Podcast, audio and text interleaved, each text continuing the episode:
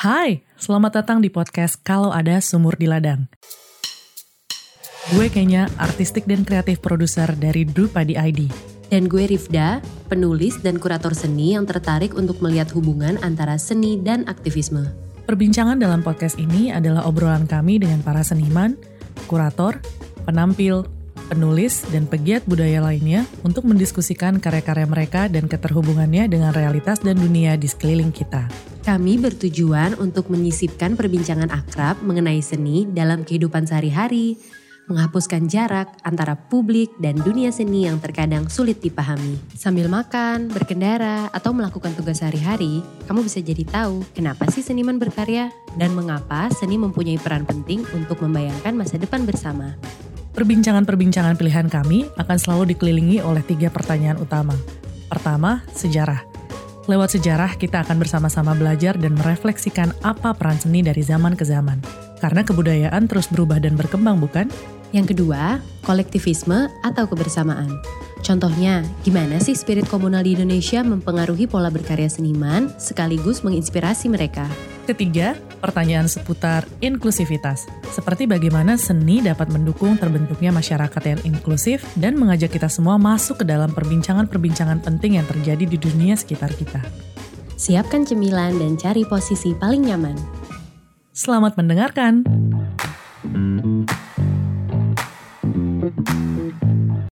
Nah, kali ini kita bakal ngobrol sama seorang yang sangat fenomenal di dunia per Instagraman dan semoga di dunia nyata juga ya It nanti jelasin semua prestasi-prestasi lo di festival. Karena ini kita bakal ngobrol sama seorang penulis yang sangat hits dan uh, aktif juga di sosial media menyuarakan sosial media fenomenon. Iya, uh, menyuarakan isu-isu yang berkaitan dengan um, apa ya kesehatan mental dan juga keadaan psikologis atau kejiwaan seseorang. Selamat datang Iit Syahid Muhammad. Halo Iit. Hai, selamat datang. Halo, halo, halo. datang ke ini ya. Dan ini BTW aku mau tahu ngundang Iit nih ya susah-susah gampang loh karena sangat sangat picky dia. Nanti kita bisa tanya kenapa sih Iit lo harus uh, menentukan kapan ngobrol sama orang, kapan gak ngobrol sama orang. Nah, itu menarik. Nah, masuk ke pertanyaan pertama. Boleh, boleh banget. Iya, gue penasaran tuh. Masuk ke pertanyaan pertama, It. Um, kita tahu bahwa lo so far udah uh, bikin tujuh karya. Tadi sebelum ini gue bilangnya lima karya. Sekarang gue udah ralat. tujuh karya, ada Kala, ada Morfati, ada 25 jam, ada Paradigma, Egosentris, Sada, dan Kamu Tidak Sendiri. Nah, hmm. kelima novel yang, eh sorry, kan, contekan gue salah. novel yang, hmm. yang lo tulis ini tuh in general bicara tentang kisah cinta laki-laki dan perempuan. Uh, bahkan di buku yang terakhir yang sada itu based on review gue belum baca itu menceritakan kisah lo pribadi. Nah sebenarnya hmm. ada nggak sih alasan khusus di balik pemilihan tema ini dan kenapa gitu secara konsisten lo sangat merayakan atau mengapresiasi rasa ini, emosi ini untuk terus diulik dan didalami? Oke gue langsung jawab ya. Uh, sebetulnya ini mulai di mulai gue sadari di karya gue yang ketiga karya tunggal gue yang ketiga itu di egosentris. Egosentris itu gue mulai men, apa namanya menceritakan tentang mental health issues. Dulu dari 2017 tuh mental health issues tuh masih sepi banget, belum semenggaung sekarang. Nah, uh, waktu itu gue mikir gimana caranya si isu kesehatan mental ini bisa diterima sama banyak banyak uh, lapisan masyarakat. Karena kalau kita ngomongin mental health issue, kecenderungannya adalah bahasa-bahasa yang memang agak sulit di, dimengerti sama orang-orang di umur 13 sampai 18 tahun lah misalnya katakan seperti itu. Nah, gue mempelajari bahwa emosi-emosi yang erat kaitannya dengan yang dirasakan oleh kalangan umur-umur muda itu adalah di bahasa-bahasa romance karena di sana mereka belajar uh, menikmati emosi-emosi yang mereka hadapi gitu.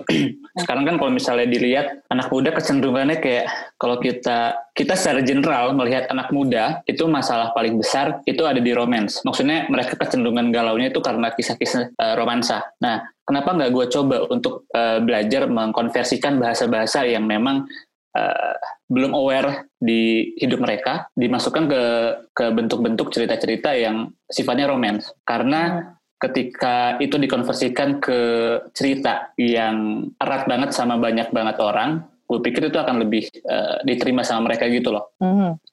kayak gitu karena buat gue romance tuh uh, adalah hal yang memang gak mungkin gak dirayakan yeah. orang-orang anak-anak muda bahkan sampai orang tua sebetulnya masih merayakan hal-hal yang sifatnya romansa tapi semakin tua hal-hal yang sifatnya romansa dipandang buk, di apa ya kayak jadi jarang diungkapkan atau jarang dipermasalahkan atau mungkin bahkan jarang sekali diperbincangkan untuk hal-hal kayak gitu.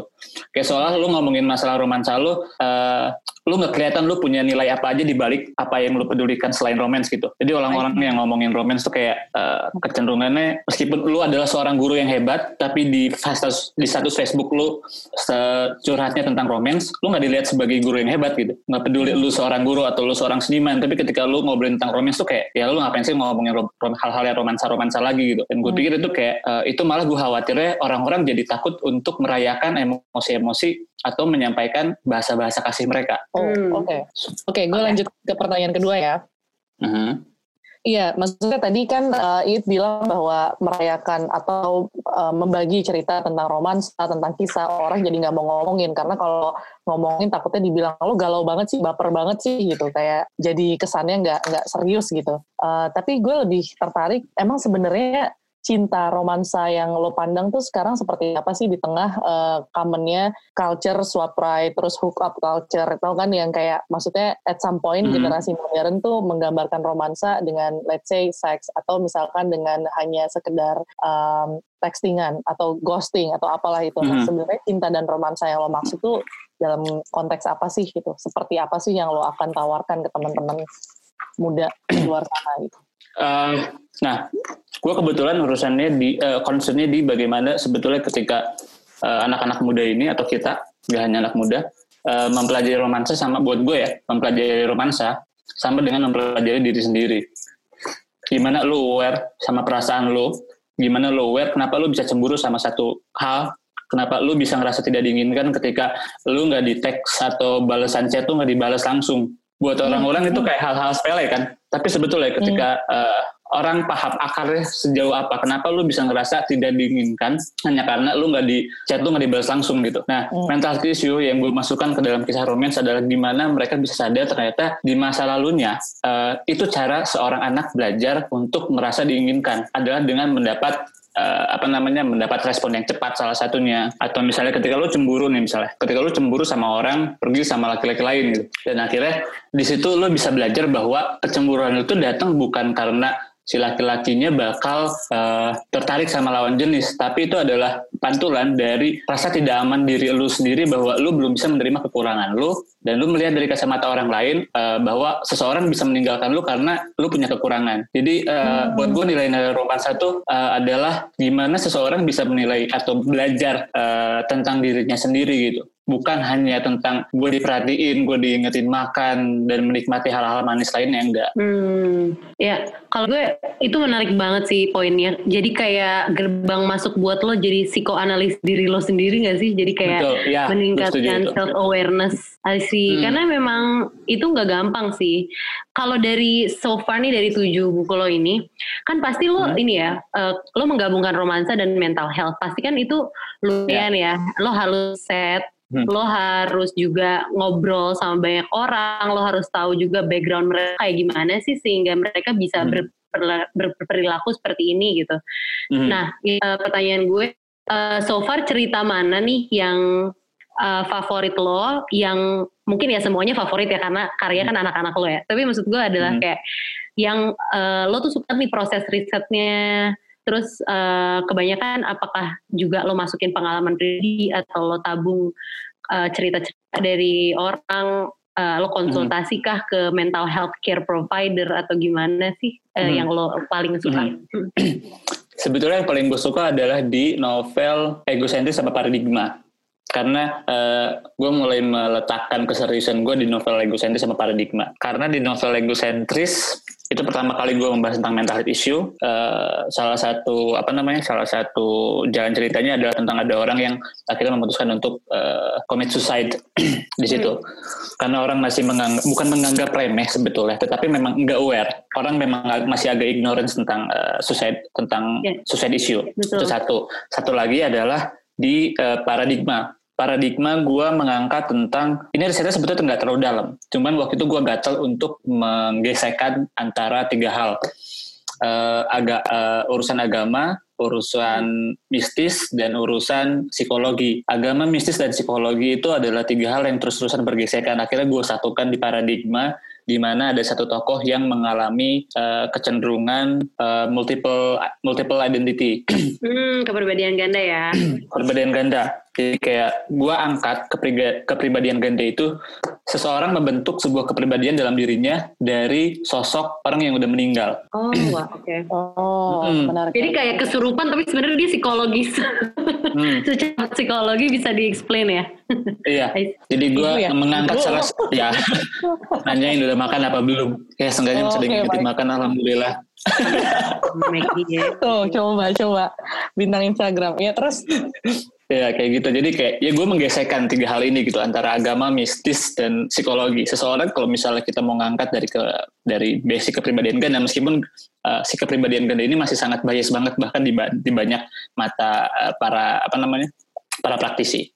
Cuman uh, sangat make sense ketika seseorang bisa menciptakan sebuah uh, bisa menciptakan sebuah kepribadian yang datang dari rasa kehilangan yang sangat besar dia menumbuhkan si sosok itu di dirinya sendiri saking dia nggak belum rela kehilangan si sosok ini. Hmm, anjir. Kayak gitu. Wow. Sesuatu itu itu uh, paradigma ya.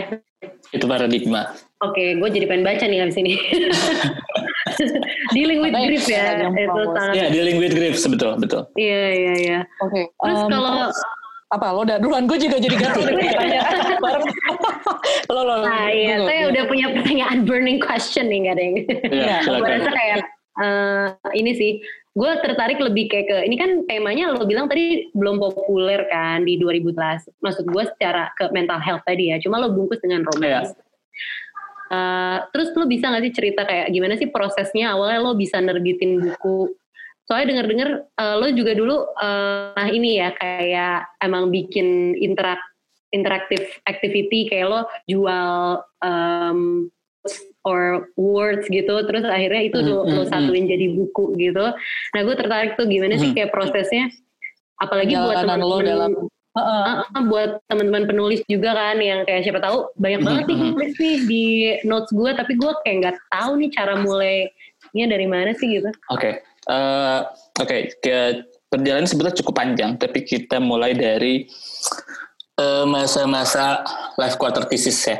Maksudnya masalah besar mulainya dari sana. Nah life quarter crisis ini gue waktu itu pernah jualan Wolfram quote gitu, jual kata-kata untuk dijadiin pajangan buat kado-kado dan lain-lain. Saking gue hmm. sukanya sama kata-kata. Karena gue melihat uh, buat buat gue sendiri, gue akhirnya balik lagi ke beberapa tahun lalu waktu gue masih SMP buku pertama yang gue baca adalah Akunya Sumanjaya. Hmm. gue nggak ngerti sebetulnya isinya bukunya ngomongin apa. itu waktu Tapi gue baca tuh dari SMP. ADC ya kan?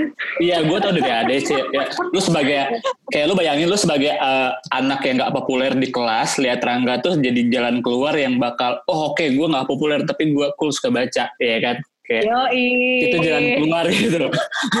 yang penting gue jadi satu sosok gitu. Kita kita ngiblat ke sana gitu kan. Uh, habis itu gue baca gue, itu seriusan gue beli lah si buku akunnya Sumanjaya gue baca tentang Hairil Anwar itu tapi gue nggak ngerti sebetulnya itu ceritanya tentang apa dan emosi yang oh sorry uh, cerita apa namanya ya pokoknya intinya gue nggak ngerti cerita apa tapi yang menarik buat gue adalah there's something that moved me itu yang gue inget sampai sekarang ketika gue baca hmm. sesuatu there's something that moved me that want to do something atau bikin gue ngerasa percaya untuk melakukan sesuatu, bikin gue berani untuk melakukan sesuatu. Sampai akhirnya itu ternyata tertanam di, di diri gue bahwa ketika orang membaca sebuah kalimat, kita nggak bisa mengukur dan menakar seberapa hebat kalimat itu bisa mengubah seseorang.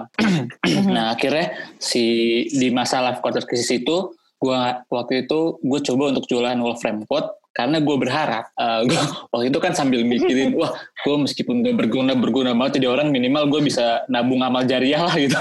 Ya kan? Sekarang lu bayangin ketika orang baca kutipan dari lu dan hidupnya jadi lebih baik meskipun cuma sehari dua hari lu dapet dapet amal juga lah gitu minimal di kepala gue kan kayak gitu. Mulia sekali ya, abang. gue, akhirnya kayak gitu gue jualan Wolfram quote. Nah, nah hmm. sambil Wolfram, sambil gue jualan Wolfram quote gue juga waktu itu lumayan aktif nulis di Tumblr Nah di Tumblr itu ternyata ada komunitas, singkat cerita gue ketemu sama temen gue, temenan cukup lama sama temen gue ini. Di 2016 itu penerbit banyak sekali menyasar penulis-penulis di Tumblr untuk diterbitkan bukunya. Dan akhirnya si teman gue ini wow. ditawarin uh-uh. untuk nerbitin buku. Gue kan orangnya uh, jujur jujur ya maksudnya ketika gue lagi butuh gue akan bilang gue lagi butuh akhirnya gue bilang sama temen gue eh ajak-ajak dong namanya si Bella. Bel ajak-ajak dong kalau ada ada apa namanya ada project lagi gitu. Ya gue minta untuk diajak bikin buku bareng gitu. Eh sampai akhirnya alhamdulillah ketika dia dapat tawaran yang kedua gue uh, ditawarin untuk nulis bareng. Nah akhirnya ya terbitlah si buku kala itu. Nah dari situ udah mulai gue belajar lagi ternyata uh, hal yang menarik adalah banyak sekali orang-orang untuk menulis di platform digital khususnya kayak mm -hmm. Tumblr, Medium banyak banget yang nggak pakai namanya. Maksudnya kayak pasti bikin nickname. Oh kayak anonimus. Secara gitu ya? psikologis orang-orang ya anonimus ya. Secara psikologis kan uh, orang yang pakai anonymous name di platform adalah orang yang cukup merasa insecure akan banyak hal. Akhirnya gue belajar untuk bagaimana menjadi penulis di zaman sekarang. Sekarang para pembaca uh, menikmati karya bukan hanya menikmati uh, si isi tulisan yang dibikin oleh si kreator, tapi juga dia menikmati bagaimana kehidupan si kreator, bagaimana apa yang dibagikan oleh si kreator secara langsung.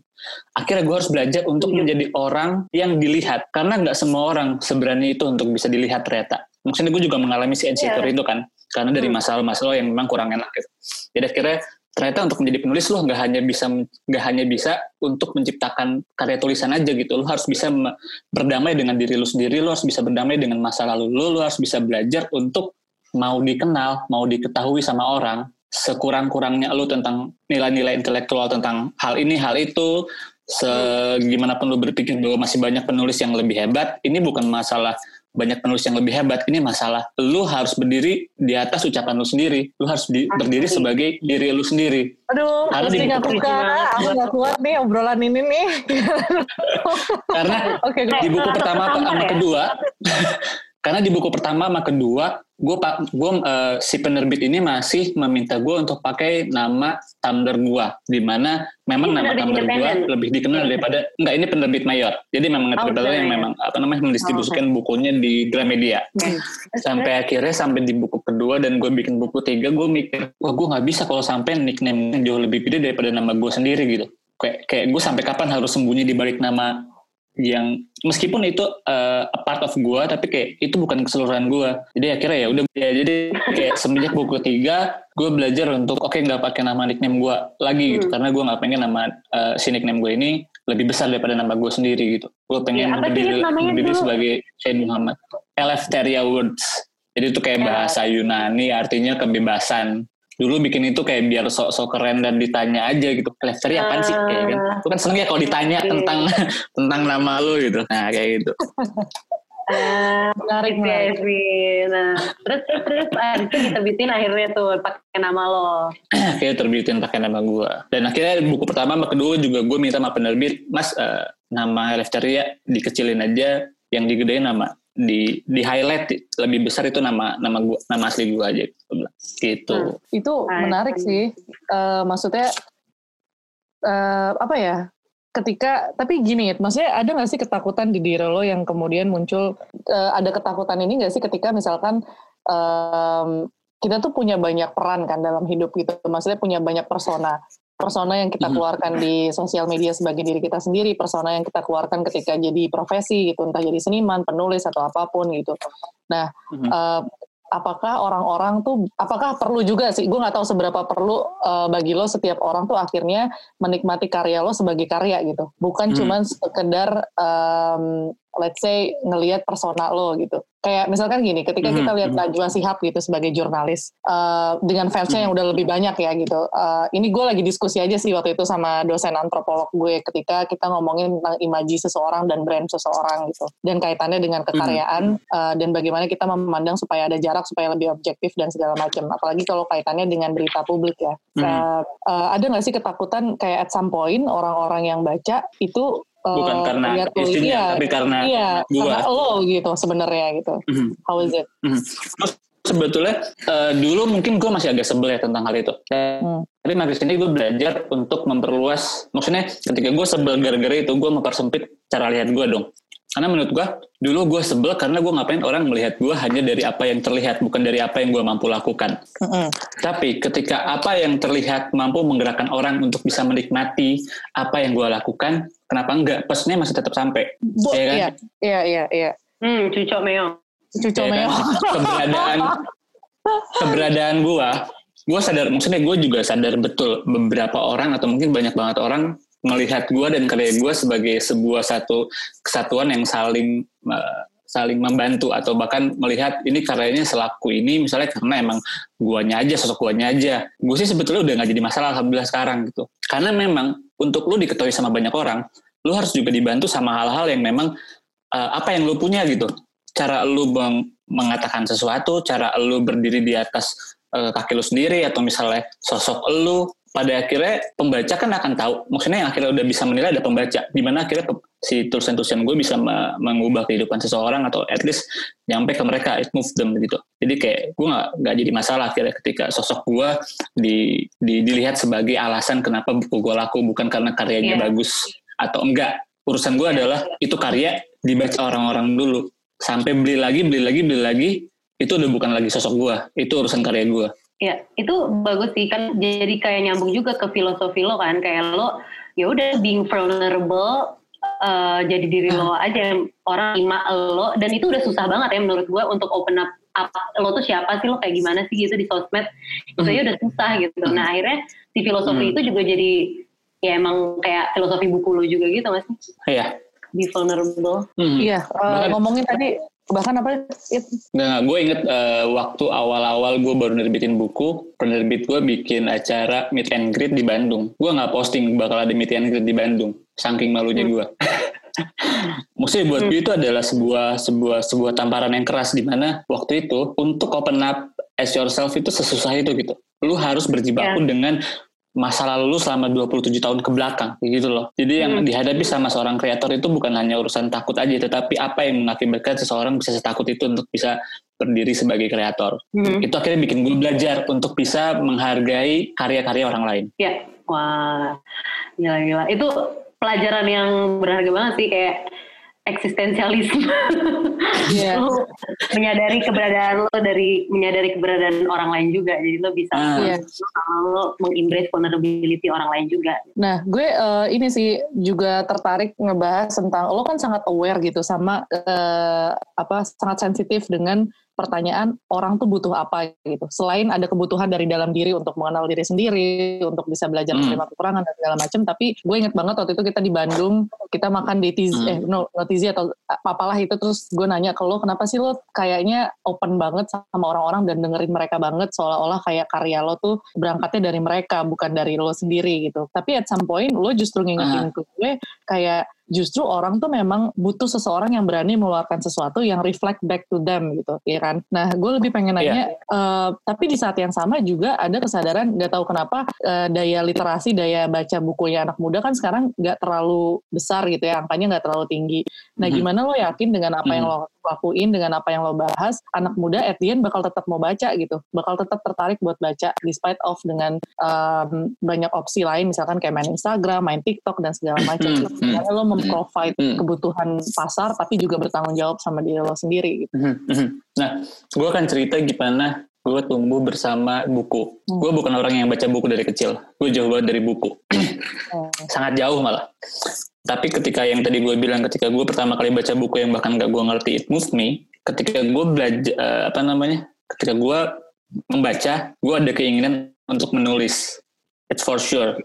Kenapa? Secara psikologis, ketika lo membaca sebuah cerita, hmm. ada dorongan di mana lo juga pengen menceritakan sesuatu tentang diri lo sendiri. Di sana adalah poin pertama, gimana seseorang belajar untuk membuka tentang dirinya sendiri. selanjutnya ketika makin sini makin sini makin sini. Ketika orang semakin sering untuk membaca even uh, daya baca mereka tidak uh, let's say belum bisa sedalam itu uh, buat gue intinya cuma satu gimana sebuah bacaan bisa mendorong seseorang untuk uh, pertama membaca lebih banyak karena dia ingin merasa ditemani. Buku tuh bikin lu ngerasa ditemani gitu meskipun dengan cerita-cerita yang absurd dan lain-lain. Di gue inget banget ketika gue baca jurnal penelitian di gue lupa. Di salah satu negara intinya. Hmm. di salah satu negara yang uh, tingkat kebahagiaannya sangat tinggi secara secara global. Hmm. masalah paling besar di negara itu adalah kesepian. Sekarang Iceland bukan sih? Apa Finland apa negara apa? Bukan Uh, bukan, enggak, bukan final, bukan apa. Gue waktu itu baca jurnal yang di, aduh, antara Jerman, uh, hmm Jerman, Denmark, sama Norwegia. Norwegia, oh, Norwegia, Norway, Norway deh kayaknya, Norway. Hmm. Nah, ternyata si angka kesepiannya cukup tinggi. Sekarang lo bayangin kenapa sesok, kenapa negara yang notabene secara uh, uh, apa secara data orang-orang paling bahagia di sana tapi masih punya tingkat kesepian yang cukup tinggi karena hmm. susah untuk gak berbahagia di antara orang-orang yang lagi berbahagia coy. Edwin. Akhirnya lu eh, akhirnya lu akan ngerasa kesepian dan ngerasa salah. Ini kok gue nggak bahagia sih? Orang-orang kan bahagia. Ini negara paling bahagia se sedunia loh. Ketika lu lagi nggak bisa bahagia, lu makin rusak. Eh, sorry, makin makin berat sih rasa tidak bahagia lu. Rasa kesepian lu makin besar karena lu nggak bisa berbagi ketidakbahagiaan lu sama orang-orang yang berbahagia. Kayak FOMO Jadi gitu ya? akhirnya, ya? Uh, nah iya mirip-mirip FOMO gitu. Orang-orang kayak bergerak tapi kayak lu ngeliat diri lu sendiri kayak gak bergerak ke mana-mana padahal lu bergerak gitu. So at the end of the day, gue berangkat dari sana bahwa lu melihat orang-orang di sosial Instagram melakukan sesuatu untuk banyak atau untuk dirinya sendiri, at some point mereka juga sebetulnya ngerasa kesepian. Gimana seseorang ngerasa kok sulit banget untuk bilang sama orang lain, cewek gue lagi ngerasa kesepian banget. Eh gue lagi gak berbahagia nih sekarang gue lagi cemas akan hal ini gitu. Sekarang orang-orang udah makin sulit gitu yeah. untuk mau ngomongin hal-hal yang fundamental hal-hal yang sifatnya emosional, hal-hal yang sifatnya itu hak lu sebagai manusia gitu. Lu boleh maju, tapi lu juga boleh untuk minta bantuan dan lu lagi nggak bisa berbahagia gitu. Jadi kayak gue berangkat dari sana. Kenapa kalau gue ngobrol sama orang, gue pengen embrace gimana mereka menceritakan apa yang mereka cemaskan. Karena mungkin udah jarang banget yang mau dengerin mereka gitu. Udah terlalu sering orang yang ngomong kayak iyalah men gitu doang gitu. Tahu gue gitu doang tapi masalahnya it's real dude gitu. Yeah. it's real. Itu itu menggelisahkan gitu. Gue cuma pengen ngeluarin ini lu harus bantu gue gue cuma butuh telinga lu that's it gitu. Nah buku-buku gue berangkat dari uh, dari sana gitu. Dari cerita-cerita atau keresahan orang yang memang nggak punya tempat gitu. Uh, apa namanya targetnya ada sesederhana sebetulnya bikin mereka nggak ngerasa kesendirian. That's it. Wow. Jadi okay. itu kayak semacam against toxic positivity gitu nggak sih lo sebenarnya? Samkan ya, samkan ya. Gue cuman ya gue belajar melihat dari gue sendiri. Uh, gue pengen nerima nih ketika gue lagi cemas. Gue nggak yeah. mau bohong ngait lu nggak apa-apa lu nggak apa-apa niat gue lagi kenapa kenapa just accept it what's wrong with that ya kan? Gue lagi kenapa kenapa? Gitu oke gue lagi kenapa kenapa? Hari ini gue lagi iri gue hari ini gue lagi cemas. Eh gue lagi iri melihat temen gue followernya kenceng banget naiknya gitu. Oh ya udah. Oke okay, gue iri. Oke okay, gue iri. So what's wrong with that? Iya iya makanya. Nah, kalau um, lo sendiri kan emang dikenal cukup aktif ya dalam menyuarakan isu tentang kesehatan mental ya, termasuk yang tadi lo barusan bilang kan hmm. tentang orang yang mungkin hmm. nggak hmm. bisa mengungkapkan kalau lagi sedih itu kan juga masalah ya sebenarnya. Nah, iya. selain iya makanya. Terus kan gue tahu nih lo menginisiasi Instagram account namanya Duduk Dulu kan. Uh, terus yeah. lo juga pernah kolaborasi sama orang psikolog uh, yang mm-hmm. pakai ini ya pendekatan drama untuk penyembuhan uh, masalah ah, iya. mental di Jogja. Nah, mm-hmm. itu uh, menurut lo gimana tuh kenapa apa pentingnya menginvolve seni gitu uh, dari drama atau literatur untuk mengangkat itu dan menyebarluaskan tentang isu itu tuh gimana tuh menurut lo? Boleh ceritain nggak? Uh, gue sebetulnya tidak terlalu belum terlalu paham tentang lapisan-lapisan tentang seni dan lain-lain gitu. Dan kebetulan waktu yang gue sama psikolog yang bikin pendekatan di di kegiatan drama gue tidak terlalu banyak belajar tentang dramanya sebetulnya. Tapi kalau gue boleh cerita dari bagaimana gue bikin duduk dulu. Mm-hmm. duduk dulu tuh dibikin tahun 2018 akhir. 18 akhir itu uh, eh, NKCTI lagi gede-gedenya. Mm-hmm. saat itu ini gue suka uh, terlahirnya duduk dulu. Waktu itu gue kesal banget sama NKCTHI kesal dan iri banget sama NKCTHI kok bisa sih lu segede ini gitu? Gue juga pengen. Kayaknya banyak yang gua, maksudnya gue ya, penulis kayak wah nah iya, itu iya. akhirnya gue pengen embrace kekesalan gue gue pengen embrace rasa iri gue uh, karena ini buat gue uh, keirian dan kekesalan ini meskipun uh, agak negatif tapi gue melihat ini adalah hal yang positif. Di mana keirian hal iri-iri kayak gitu tuh datang dari ketidakmampuan kita kalau buat gue saat itu ketidakmampuan gue ingin melakukan sesuatu yang cukup besar tapi dia mampu. Gue kesel. Gue juga pengen bikin begituan. Yeah. jadi duduk dulu lahir dari kekesalan gue dan rasa iri gue sampai akhirnya sekarang di 2020 followersnya katakanlah udah udah sekitar 280 ribu. Gue hanya melihat itu sebagai lu meskipun mengalami hal-hal atau sifat-sifat atau emosi-emosi yang negatif lu masih bisa menciptakan hal-hal yang positif dari sana. Gue bikin duduk dulu dari emosi yang negatif dari keselnya hmm. gue dari rasa iri gue gitu dan hmm. what uh, what uh, emang kenapa? Kalau gue mengikuti langkah yang dilakukan oleh orang-orang terdahulu. Gue hanya perlu membuat diferensiasi tentang that's me gitu. Meskipun sampai sekarang mungkin kadang ada beberapa yang lihat duduk dulu sebagai itu mirip NKCTI dan ya emang benar gitu. Karena secara secara apa namanya? Secara skala NKCTI emang jauh lebih besar gitu.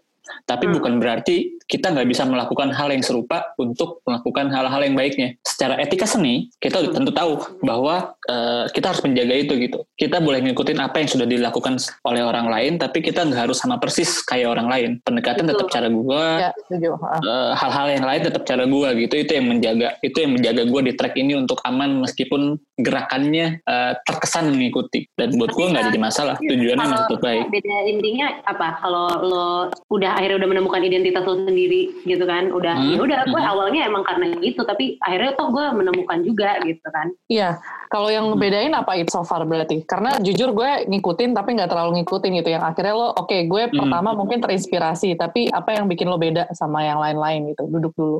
Uh, mungkin secara pendekatan dan lain-lain memang susah banget dibedakan meskipun isinya beda secara keseluruhan beda gitu.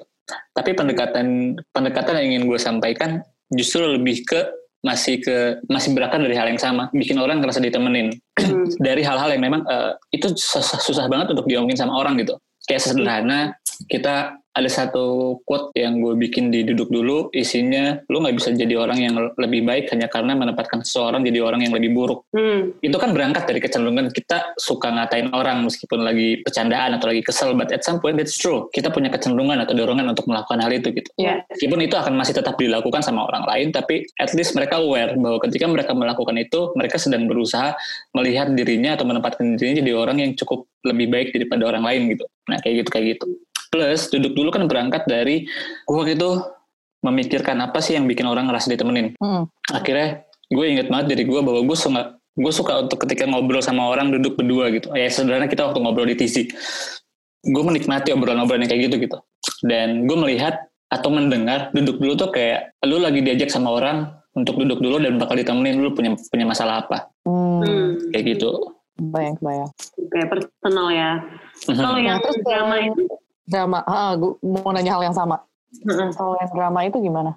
Menarik tuh yang sama psikolog sebetulnya gue tidak mempelajari yang uh, drama cukup cukup cukup apa namanya cukup dalam ya. Karena itu waktu itu kita cuma sharing doang uh, dia lagi bikin apa namanya si tugas akhirnya itu untuk S2 nya ngangkat tentang drama. Tapi gue tidak mempelajari itu cukup dalam Ya. Jadi kayak gue nggak nggak terlalu tahu bagaimana kondisinya atau bagaimana uh, perjalanannya. Cuman gue waktu itu ketemu sama si psikolog itu namanya Anissa adalah untuk memvalidasi tulisan gue aman gak nih gitu. Karena kan gue berangkat dari isu kesehatan mental. Gue juga harus bisa mencontohkan karena kebetulan saat itu gue memang mengalami mental breakdown. Gue juga harus dibarengi sama psikolog dan psikiater untuk memastikan. Karena waktu itu gue lagi bikin buku kamu nggak sendiri yang isinya adalah cerita tentang gue semuanya. Tentang gimana gue ngalamin anxiety disorder, tentang gimana gue ngalamin panic attack, hmm. tentang gimana gue mengalami uh, melakukan self diagnosis.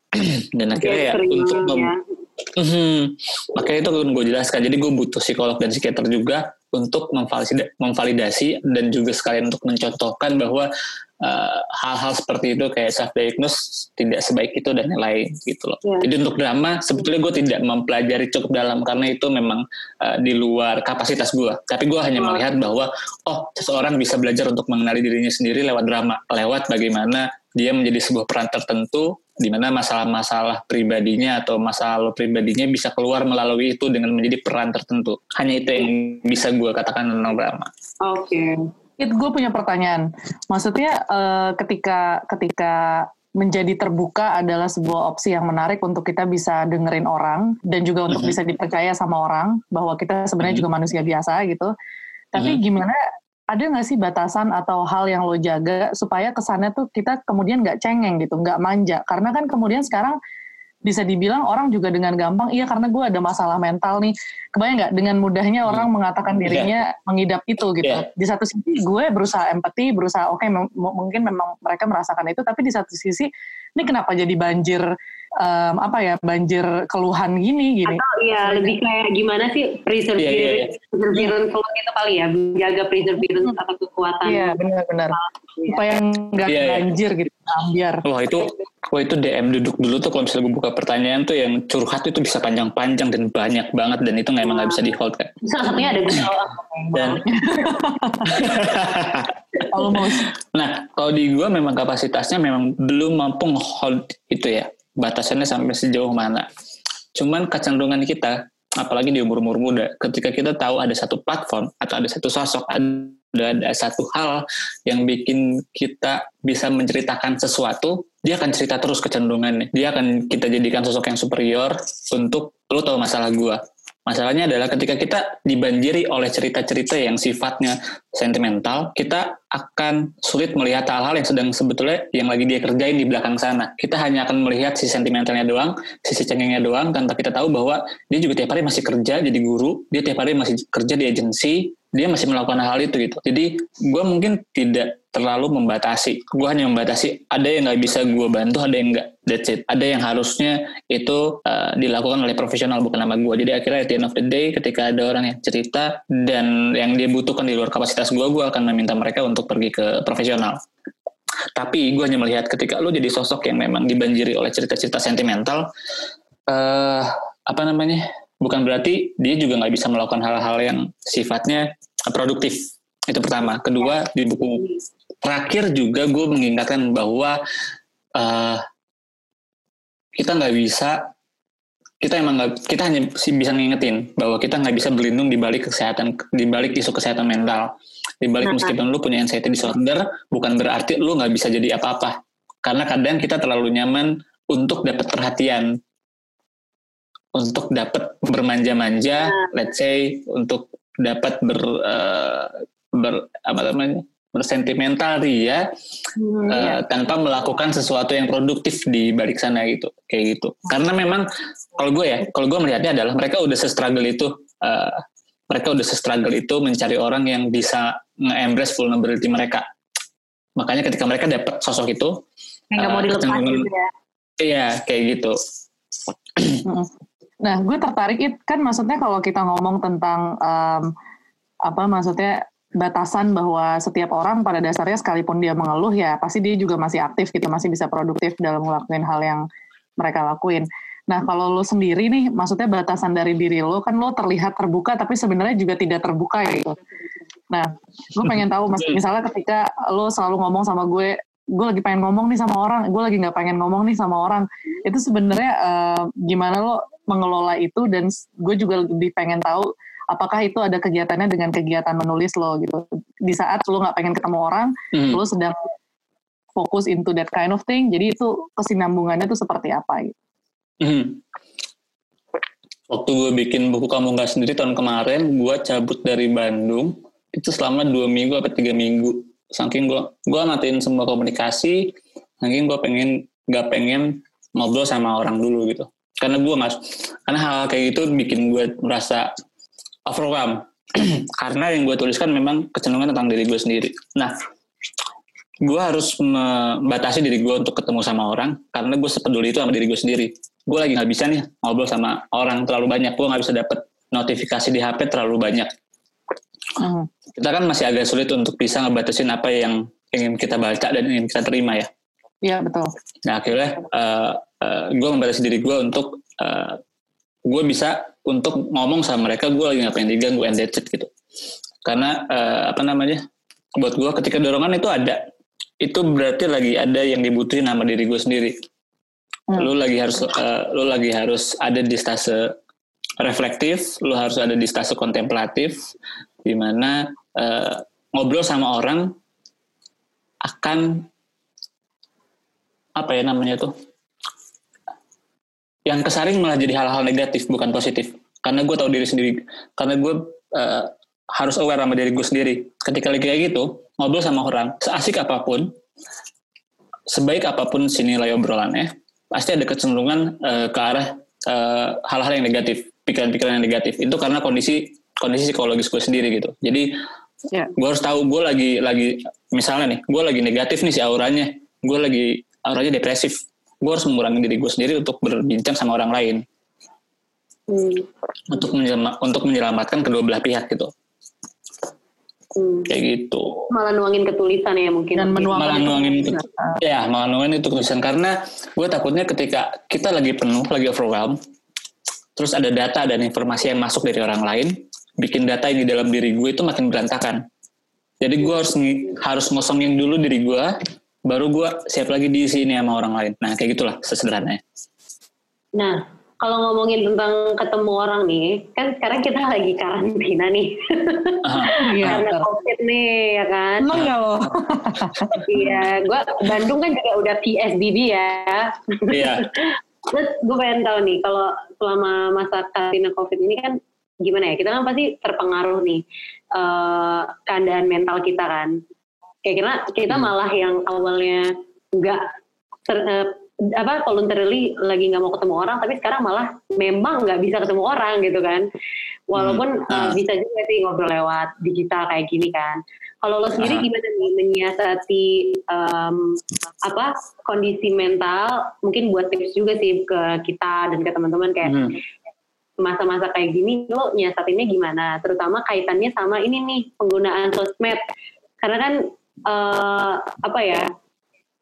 Semua pasti pernah ngerasain kayak kita ngindarin dulu deh eh, main sosmed gitu karena lagi over banget Mhm. atau malah jadi kebanyakan gitu kayak karena mau distracting diri kita pikiran kita nggak mau stres malah jadi kayak mindless scrolling di Instagram gitu kan Iya, iya. kalau lo sendiri gimana tuh Eh, apalagi karena lo emang urusannya di sosmed kan kerjaan banyak Iya.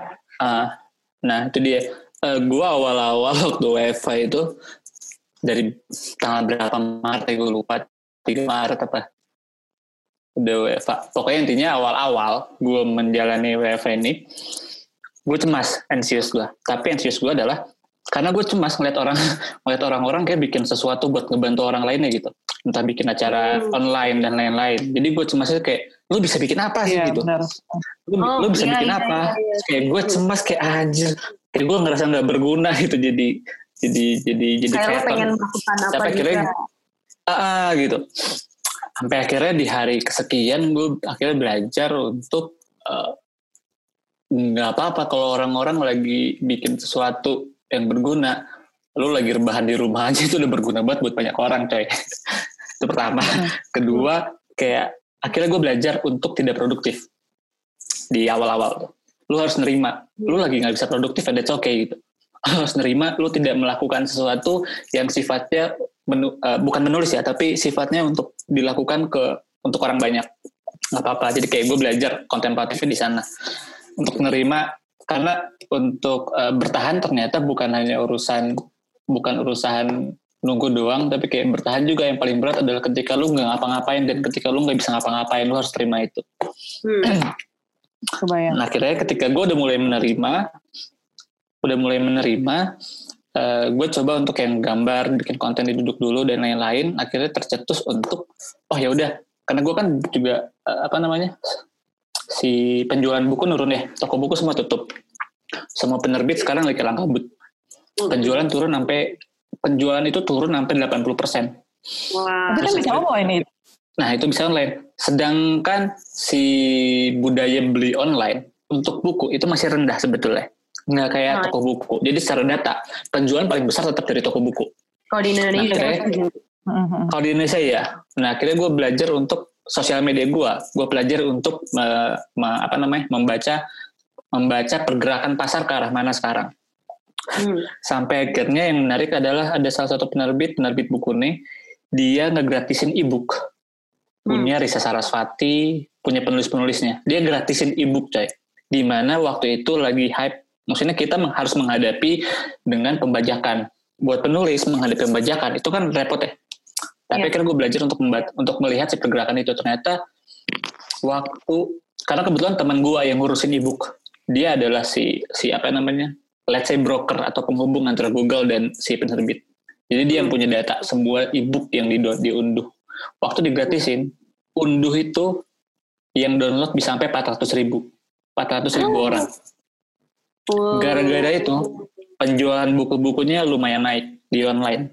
Data yang asalnya penjualan online kayak kita beli di Shopee atau beli di mana gitu ya, di e-commerce, Ya. itu naik. Karena orang nggak bisa ke toko buku, dia ngelihat uh, hal yang udah digratisin, dia bisa menikmati sesuatu yang belum dinikmati Oh, sebelumnya. Akhirnya itu kan menimbulkan sebuah kebutuhan, ya kan? Nah, si Iya. kebutuhan ini akhirnya di- ditambahin lagi dengan keputusan untuk membeli. Jadi akhirnya gara-gara si uh, ibu gratis waktu itu dia meningkatkan penjualan online ternyata. Nah, akhirnya gue belajar perger- melihat pergerakan pasar ternyata sekarang di keadaan sekarang ini si pembaca udah bisa beranjak untuk menikmati buku secara digital.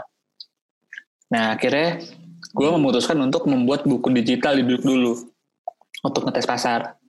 Karena sekarang Ah. di salah satu penerbit gue, kalau nggak salah dia bilang lagi tidak bisa menerbitkan buku kecuali pre-order di angka minimal 1000 eksemplar.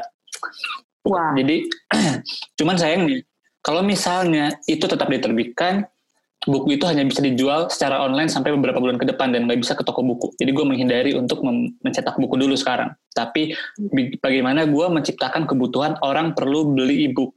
Karena sekarang kan si pangsa udah udah udah mulai bergerak dan karena benar setiap hari orang cuman scrolling scrolling Instagram doang karena kan mereka butuh hiburan. Ya. Iya. Kayak gitu.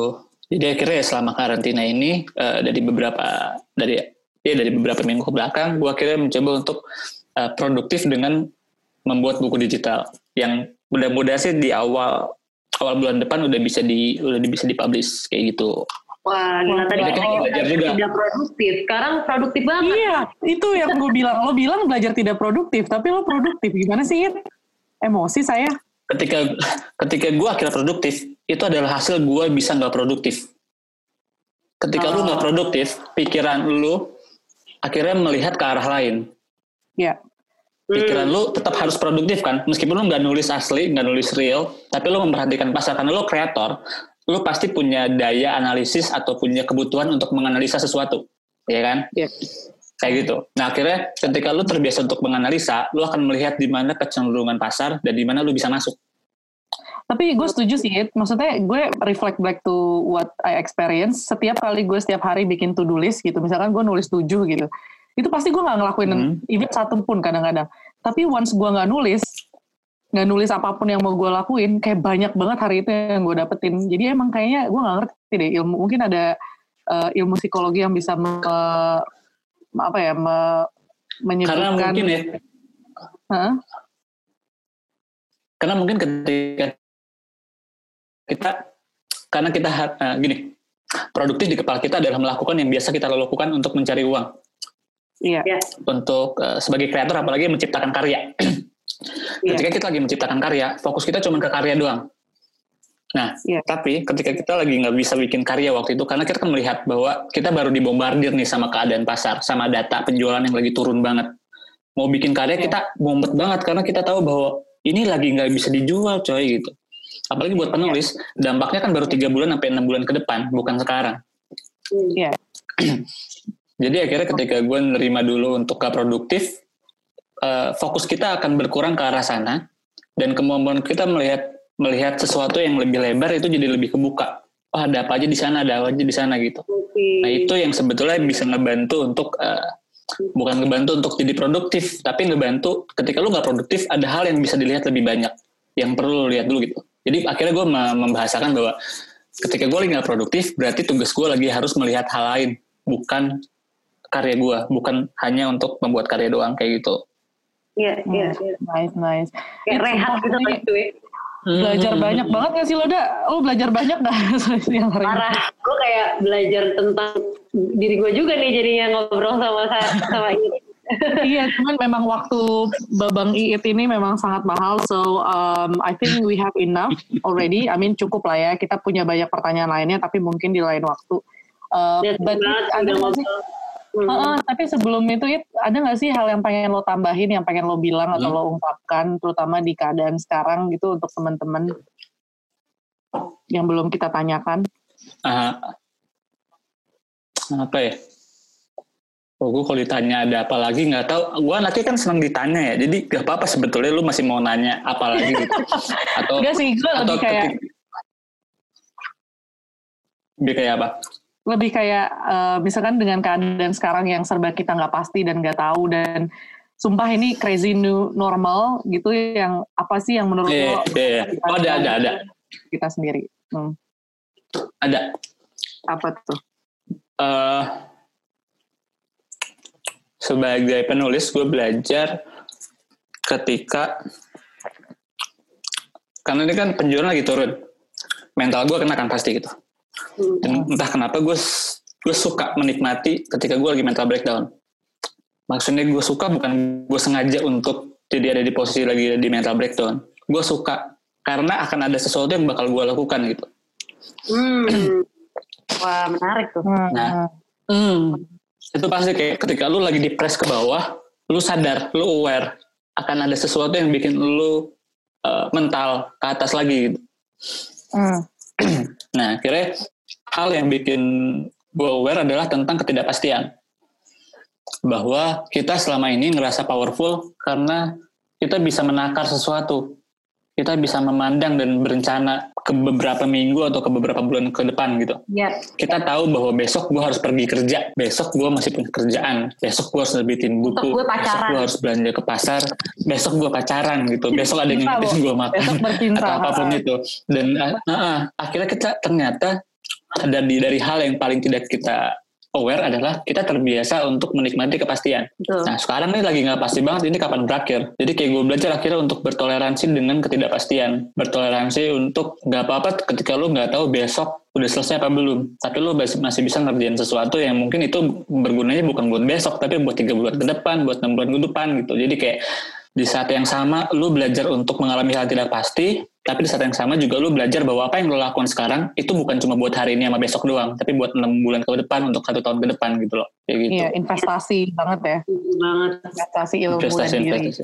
Aduh, Iya. thank you banget tuh masukannya ya buat teman-teman nih yang dengerin nih. Pasti juga lagi cari-cari cara nih biar kita tetap sane di masa saat Tapi ini. kalau iya kalau misalkan ada yang kalau pengen ada yang nanya info tentang buku lo atau pengen kontak lo atau pengen say hi itu ke mana itu? Ya, mungkin I know that you're a star already tapi bisa mungkin dibagi uh, akun atau email atau cara teman-teman yang mau tanya-tanya ke lo tentang Betul. kepenulisan. Ah, gue kalau jawab ini gue takut berbohong karena kalau ada orang yang approach gue itu jarang banget gue balas di DM gitu. Maksudnya Nah, bukan berarti pikiran kayak gini nih. Oke, terus terus. Iya karena gue bisa aja bilang kamu kalau mau approach aku bisa aja email atau bla bla bla. At the end of the day yang gue balas itu cuma email-email yang nawarin gue untuk bikin kerjaan gitu kayak ada email seminar, oke gue balas. Kalau email nanya "Kak, aku harus gimana ya kalau gini-gini nggak nggak gue balas maafin gitu. Nah, Karena jadi banyak- itu kuncinya. Judulnya harus tawaran kerjaan gitu. Iya. Baru dibalas. Ya, ya di subjek lo tapi berarti uh, lo juga picky ya, it maksudnya orang gimana jadinya lo approachable apa enggak nih sama teman-teman yang mau nanya gue udah promoting lo ntar nggak dibalas gue salahin cuy ntar pada nge DM gue nih kakeknya nih Ya, amsang banget ya one side gue juga eh, unreachable ya. Maksudnya mohon maaf ketika gue memang sebetulnya tidak bisa di reach untuk ketika lu punya masalah apa gue bisa jawab.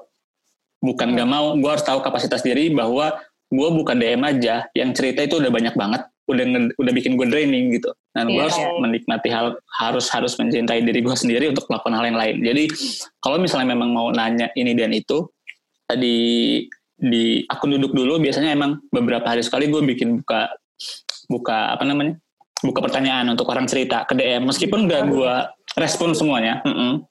tapi setidaknya duduk dulu lo bisa Iya. eh, apa namanya ngelihat orang-orang juga punya masalah tertentu. Lo bisa dengar cerita mereka juga dan lain-lain kayak gitu. Jadi kalau mau nge gue bisa ke duduk duduk dot dulu di Instagram. Untuk kayak siapa tahu mudah-mudahan bisa gue bisa gue balas gitu. Amin. Ada soalnya yang yang terakhir cerita panjang lebar tentang masa hidupnya at the end of the day dia marah-marah karena dia sebel sama mental health isu ini sebetulnya nggak bantu manusia nggak nggak bantu banget manusia gitu buat mereka Ah. mental health issue hanya memanjakan manusia gitu Iya. karena at, at, uh, one side gue agak setuju sebetulnya memanjakan tapi sebetulnya on the other hand bukan memanjakan manusia mental health issue gus- justru buat gue adalah memanusiakan manusia gitu kayak Hmm. gitu Ya, ya, Gitu deh. Itu harus. wow thanks a lot Iit Thank you banget, Terima kasih It. banyak. Kalau ada Sutri Ladang, boleh kita menumpang mandi cakep. kalau diri lu lu sayang lu harus siap untuk menjadi Gue, eh bisa. Aji lo emang ya Menjadi apa? jadi manusia. Iya, pokoknya lu harus siap menjadi gitu. Oke, sama-samanya. Dan Terima kasih ya. Ifda, you. obrolannya. Hai, terima kasih sudah mendengarkan podcast Kalau Ada Sumur di Ladang. Jika ada saran dan pertanyaan, silakan hubungi kami di Instagram at drupadiid atau email kami di kontak.drupadi at gmail.com. Sampai jumpa lagi di podcast Kalau Ada Sumur di Ladang. Boleh kita menumpang mandi. Kalau ada umurku yang panjang, Boleh kita berjumpa lagi. bye!